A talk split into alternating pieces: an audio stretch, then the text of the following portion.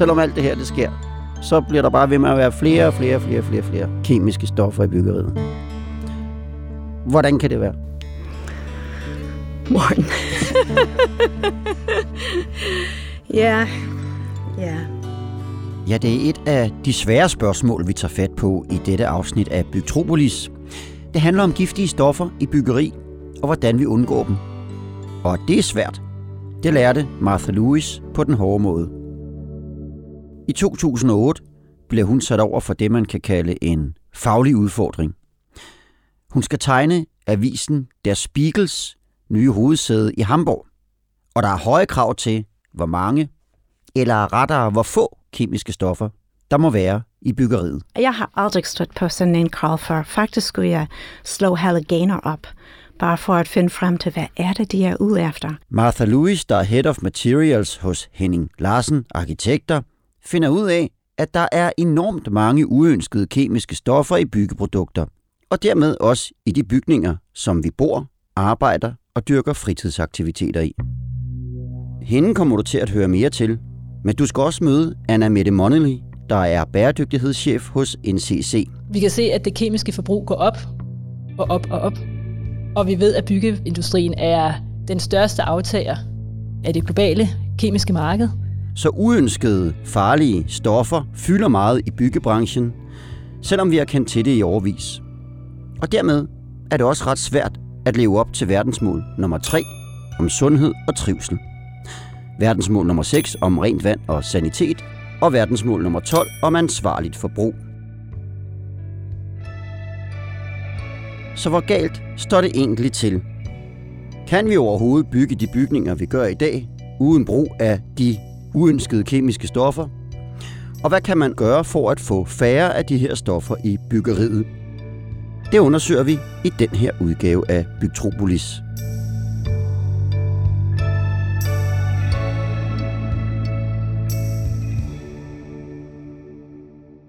For Martha Lewis bliver byggeriet i Hamburg en øjenåbner og begyndelsen til et mange år langt arbejde med giftige stoffer i byggeriet. Hun begynder at sætte sig mere og mere ind i emnet, og falder blandt andet over Miljøstyrelsens såkaldte lusliste. Listen over uønskede stoffer. Styrelsen har også lavet en rapport om uønskede stoffer i byggeriet. I 16 har Miljøstyrelsen lavet en fantastisk rapport sammen med DHI, og så nåede de frem til, at der var 49 stoffer, som var uh, særligt problematisk til menneskers sundhed og til miljø, som er specifikt anvendt i byggeprodukter. Ikke kun de, som tidligere har været anvendt, og ikke længere er anvendt. Så vi ved, at der er masser af farlige stoffer i byggeriet, men det har lidt undgået offentlighedens søgelys, fortæller Anna Mette Monnelly, der er bæredygtighedschef i NCC. Vi er blevet mere orienteret omkring vores øh, forbrug af madvarer og hvad der er i det. Øh, vi er i måske stigende grad også blevet lidt interesseret i vores tøj, men byggebranchen og de rum, vi opholder os i. Altså dem, det, de er faktisk... Øh, de har ikke, de har ikke det samme, den samme opmærksomhed for, fra, for den almindelige forbruger, så det hælder nok lidt. Her skal vi lige holde tungen lige i munden, for det er ret kompliceret stof. Hvis vi kigger lidt i historiebøgerne, så er der nogle virkelige møgsager med giftige stoffer, vi kom til at bruge alt for meget og alt for længe. Lad os tage PCB som et rigtig godt eksempel. Det er både kraftfremkaldende og hormonforstyrrende, det blev brugt i rigtig, rigtig mange byggerier fra 1950'erne og frem til 1977, hvor det blev forbudt. Så der er altså regler og stoffer, vi bare ikke vil have i vores byggeri. Men der er også dem, der er mistænkt for at være giftige, men som ikke er ulovlige. Og dem kan man finde på Miljøstyrelsens LUS-liste eller EU's REACH-liste. De står her, fordi at man er særlig bekymret for dem, og de formentlig vil blive ulovlige i fremtiden. Og det er simpelthen stoffer, som på det ene eller anden måde mistænkes for at være skadelige for miljø eller menneskers sundhed. Det er for eksempel stoffer som ftalater, som vi tidligere har haft en del ballade med i legetøj. Det er bisphenol A, som vi har haft lidt ballade med i fødevareemballage, eller formaldehyd, som er et af de stoffer, der er rigtig meget af i byggeriet. I alt findes der i dag 48 stoffer på Miljøstyrelsens lusliste og EU's REACH-liste i byggeriet. De kan være kraftfremkaldende, hormonforstyrrende, de kan forringe sædkvaliteten eller have en masse andre uheldige bivirkninger. De findes mange forskellige steder i byggeriet, for eksempel i lim, fugemasse, maling eller overfladebehandling. Og der er rigtig mange, der er udsat for de her stoffer. De her særligt problematiske stoffer kan have en påvirkning lokalt ved fremstilling ved fabrikken, også på øh, byggepladsen, på byggearbejdere, øh, igen bruger af bygning, og nedriver, og også affalds øh, håndteringsarbejder. Det vil sige, hvis du kigger gennem hele et bygningslivscyklus, er der et påvirkning på alle de her mennesker, hvis du har særligt problematiske stoffer i dine byggeprodukter. Så der er faktisk rigtig god grund til at, at, at nedsætte forbrug af de stoffer, fordi det, er, det bliver til en samfundsburde at have øh, problematiske stoffer i omløb. Og sidste år satte Martha Lewis sig for at finde ud af, hvor mange vi så bruger af de her stoffer i byggeriet, og hvordan det er gået med forbruget siden Miljøstyrelsen lavede sin opgørelse for fem år siden. Ja, det, det er rigtig interessant spørgsmål, fordi den oprindelige Miljøstyrelse undersøgelse øh, baseret på 2012-data viste, at der var 14.000 tons af særligt problematiske stoffer. Da jeg har kigget på det baseret på data fire år senere, der var der stiget til 22.500 tons af farlige stoffer. Og jeg kiggede på det igen et år senere, og der var det ned på 20.000 tons af farlige stoffer. Så det svinger lidt, og grunden for, hvorfor der er forskel, det er sikkert også mængde af, hvor meget er bygget. Uh, var, var der en stigning i byggeri mellem 12 og 16? Uh, øh, jeg tror, at det kan forklare en del af, af forskel. Men der er også en trend, som man siger, som UN har også påpeget, at der er generelt en stigning globalt, som jeg mener, vi ser også i Danmark, at der er simpelthen en stigning i forbrug øh, over de sidste 10 år af kemiske stoffer. Så i Danmark har vi skruet op for forbruget. Markant endda. Og vi ved, at byggeriet generelt forbruger en stor del af de uønskede stoffer, vi møder i vores hverdag. Hele den diskussion af farlige stoffer har enormt stor uh, betydning for byggebranchen, fordi vores sektor står for 28 procent af det globale kemiske forbrug. Så globalt set er byggebranchens forbrug af kemi større end de næste tre sektorer slået sammen. Og vi ved også, at FN generelt meget gerne vil af med de farlige stoffer. Ja, UN har i 2019 udgivet en rigtig lang og, og meget uh, detaljeret rapport, som er en statusrapport og analyserer, hvor er de i deres ambitioner.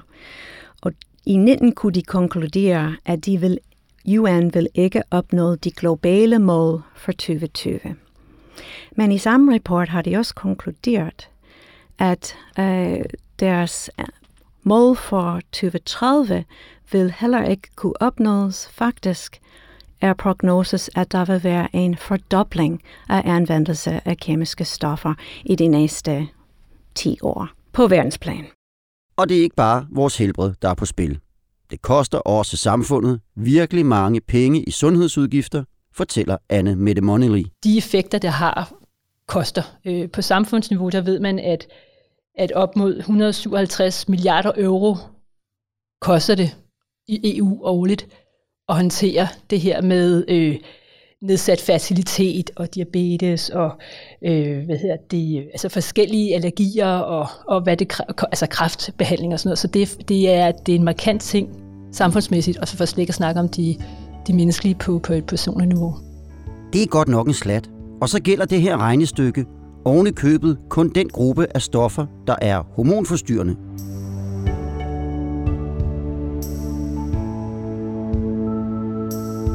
Så hvorfor i alverden stopper vi ikke bare med at bruge alle de her uønskede stoffer?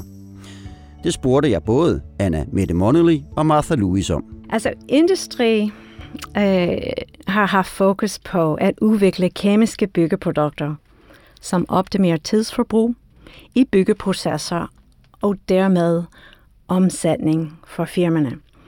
Menneskers sundhed igennem hele byggeriets værdikæden har ikke været en prioritet. Der er jo mange forskellige interesser her øh, på spil. Der er en, en, øh, mange virksomheder, som lever af at lave de her produkter og har bygget deres forretning op omkring og, og kunne have adgang til at arbejde med det. Og mange af dem gør en, en rigtig stor indsats.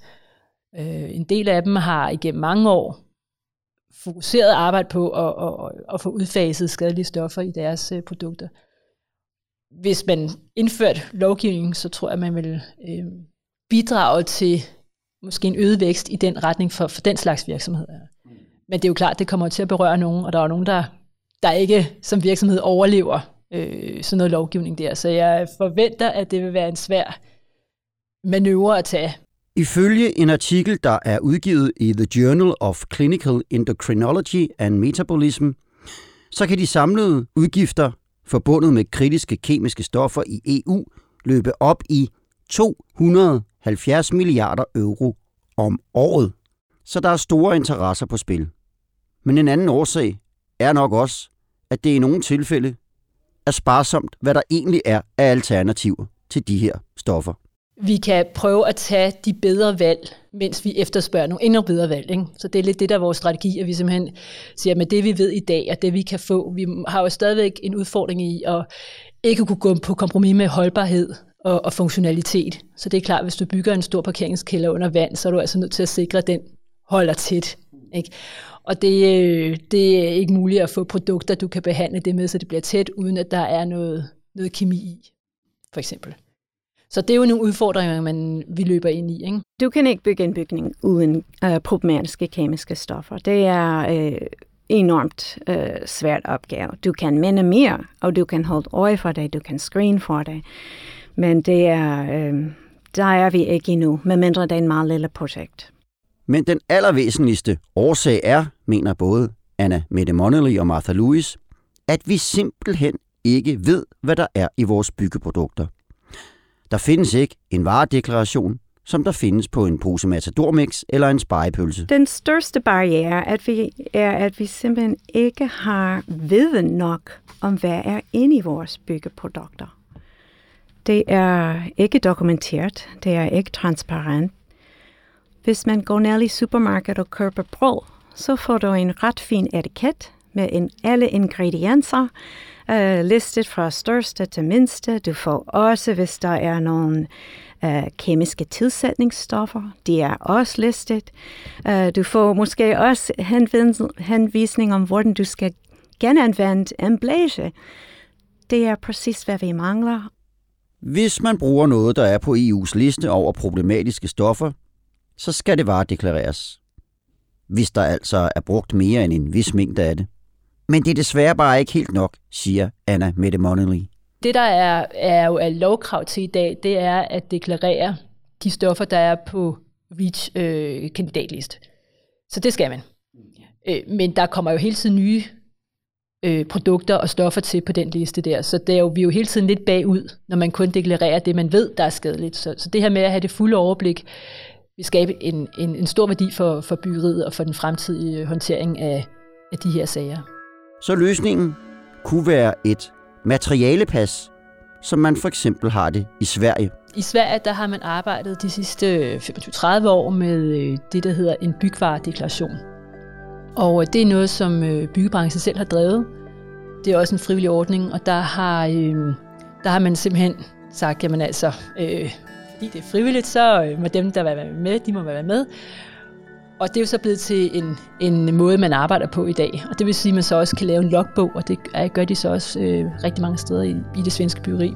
Og efter vores bedste viden, så er forbruget af uønskede stoffer mindre i den svenske byggebranche end i den danske. Ja, altså man kan sige, forholdsmæssigt så er der faktisk mindre øh, kemi i brug, og der er en højere grad af øh, hvad skal man sige, af deklarering i det, så de ved, hvor det er henne. Fordi det bliver deklareret igennem deres måde at arbejde på det op. Så på trods af, at vi har certificeret byggeri i Danmark, hvor der er materialekrav, så er det jo en forsvindende lille del af de produkter, der bliver brugt i Danmark, som der er, er styr på, hvor jeg er henne. Det er omkring 3 procent, mener det er. Hvorimod i Sverige, det er øh, over 80 procent. Så det er, det er en helt anden måde at, og, hvad skal man sige, at styre et forbrug på. Og hvis det lykkes for os, så vil der være nogle rigtig gode sideeffekter. For det første, så vil vi jo rigtig gerne genbruge alle vores byggematerialer senere. Og det er altså lettere at bruge et gammelt vindue igen, hvis man ved, hvad der er brugt til at fremstille det. Og for det andet, så vil det være lettere at håndtere en skandale, som for eksempel PCB-skandalen i fremtiden, hvis man ved, hvad der er i byggematerialerne og hvor de sidder. Vi har i mange år i Danmark øh, skulle håndtere det, der hedder fortidens synder. Og det er øh, stoffer og kemikalier, som man, da man anvendte dem i første omgang, slet ikke var klar over udgjort problem. PCB er et rigtig godt eksempel, blandt andet asbest, altså you name it, ikke? Hvis vi havde et overblik over, hvor de kemikalier var henne, hvor de stoffer var henne, i hvilke produkter i dag, så havde vi en effektiv, nem måde at gå til at få dem håndteret. Men det har vi ikke. Vi har en øh, MGO-pladesag fra nogle år tilbage i byggeriet, som jo også var svær at håndtere, fordi at der ikke var nogen, der havde et overblik over, hvor mange plader der var henne, og hvor de var henne i byggeriet. Så det her med at, at have overblik over, hvad er det egentlig det, vi byggeri er, i det, vi bygger, og hvor er det henne, jamen det er helt forudsætningen for, at vi kan håndtere det, for at vi kan sende det i cirkulering, før vi kan sende det tilbage til, til, øhm, til ny produktion. Og materialepasset, det er sådan set på vej, hvis ellers bygherrer og virksomheder er klar til det. Jamen det vi arbejder for, det er jo et, et øh, frivilligt materialpas, som de leverandører, der kan se værdien i det, øh, udfylder og, og, og, og hjælper til med. Det øh, er ikke for alle. Altså det er ikke alle leverandører, som vil kunne se værdien i det her. Det er for leverandører, som vil være med på den altså bæredygtige udvikling, som ønsker at have en reel påvirkning, og som øh, kan, kan se værdien i, at, at det her med at, at levere transparens og sporbarhed bidrager til deres virksomhed. Og for alle andre, så, øh, så bidrager det jo netop til, at vi kan, kan få et samlet overblik over øh, øh, et byggeris øh, hvad skal man sige, indhold. Der, hvor vi er nu, det er, at vi har en række, virksom, øh, række bygherrer, som er interesseret i at indarbejde det i deres udbudsmateriale, og som øh, netop virkelig har en oprigtig interesse i at bygge bæredygtigt. Står det til Martha Lewis, så stopper vi ikke ved et materialepas. Nej, så skal vi have en digital model af alle nye byggerier i Danmark. Uh, man snakker om digital twins. Du bygger et model, som er the digital twin af et bygning. Og i denne her digitale tvilling, der skal man kunne gå ind og se hver en lille detalje. Så har bygger faktisk en samling af alle materiale, måske tilpasset lige frem med den specifikke anvendelse. Den her plade var skuet på og ikke limet på. Altså tilpasset et specifikke bygning. Og til sidst har bygherre i den hele samling med tilpasning en bygningspas. Så hvis vi i fremtiden forbyder et af de stoffer, der er lovlige i dag, så kan man gå ind og finde ud af, præcis hvor i den danske bygningsmasse det findes. Så ifølge Martha Lewis og Anna Mette Monnelly, så kan et materialepas og et bygningspas både være vejen til mindre skadelig kemi i vores byggerier, men også gøre det lettere at genbruge vores materialer i fremtiden og håndtere det, hvis der skulle komme nye skandaler med giftige stoffer, der skal lokaliseres. Næste udgave af Bygtropolis handler om plastik, for kan man lave en ordentlig dampspærre i genbrugsplast, eller skal man have fat i en dampspærre af jomfrueligt plast, hvis man vil undgå fugt og rød i huset og bygge huse med lang holdbarhed. Det trykprøver vi i næste udgave af Bygtropolis.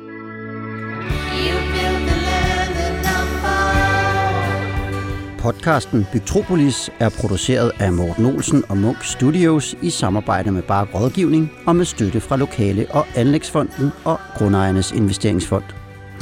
Musikken er komponeret og produceret af Martin Grønne, og Mathias Hav stod for lyddesign.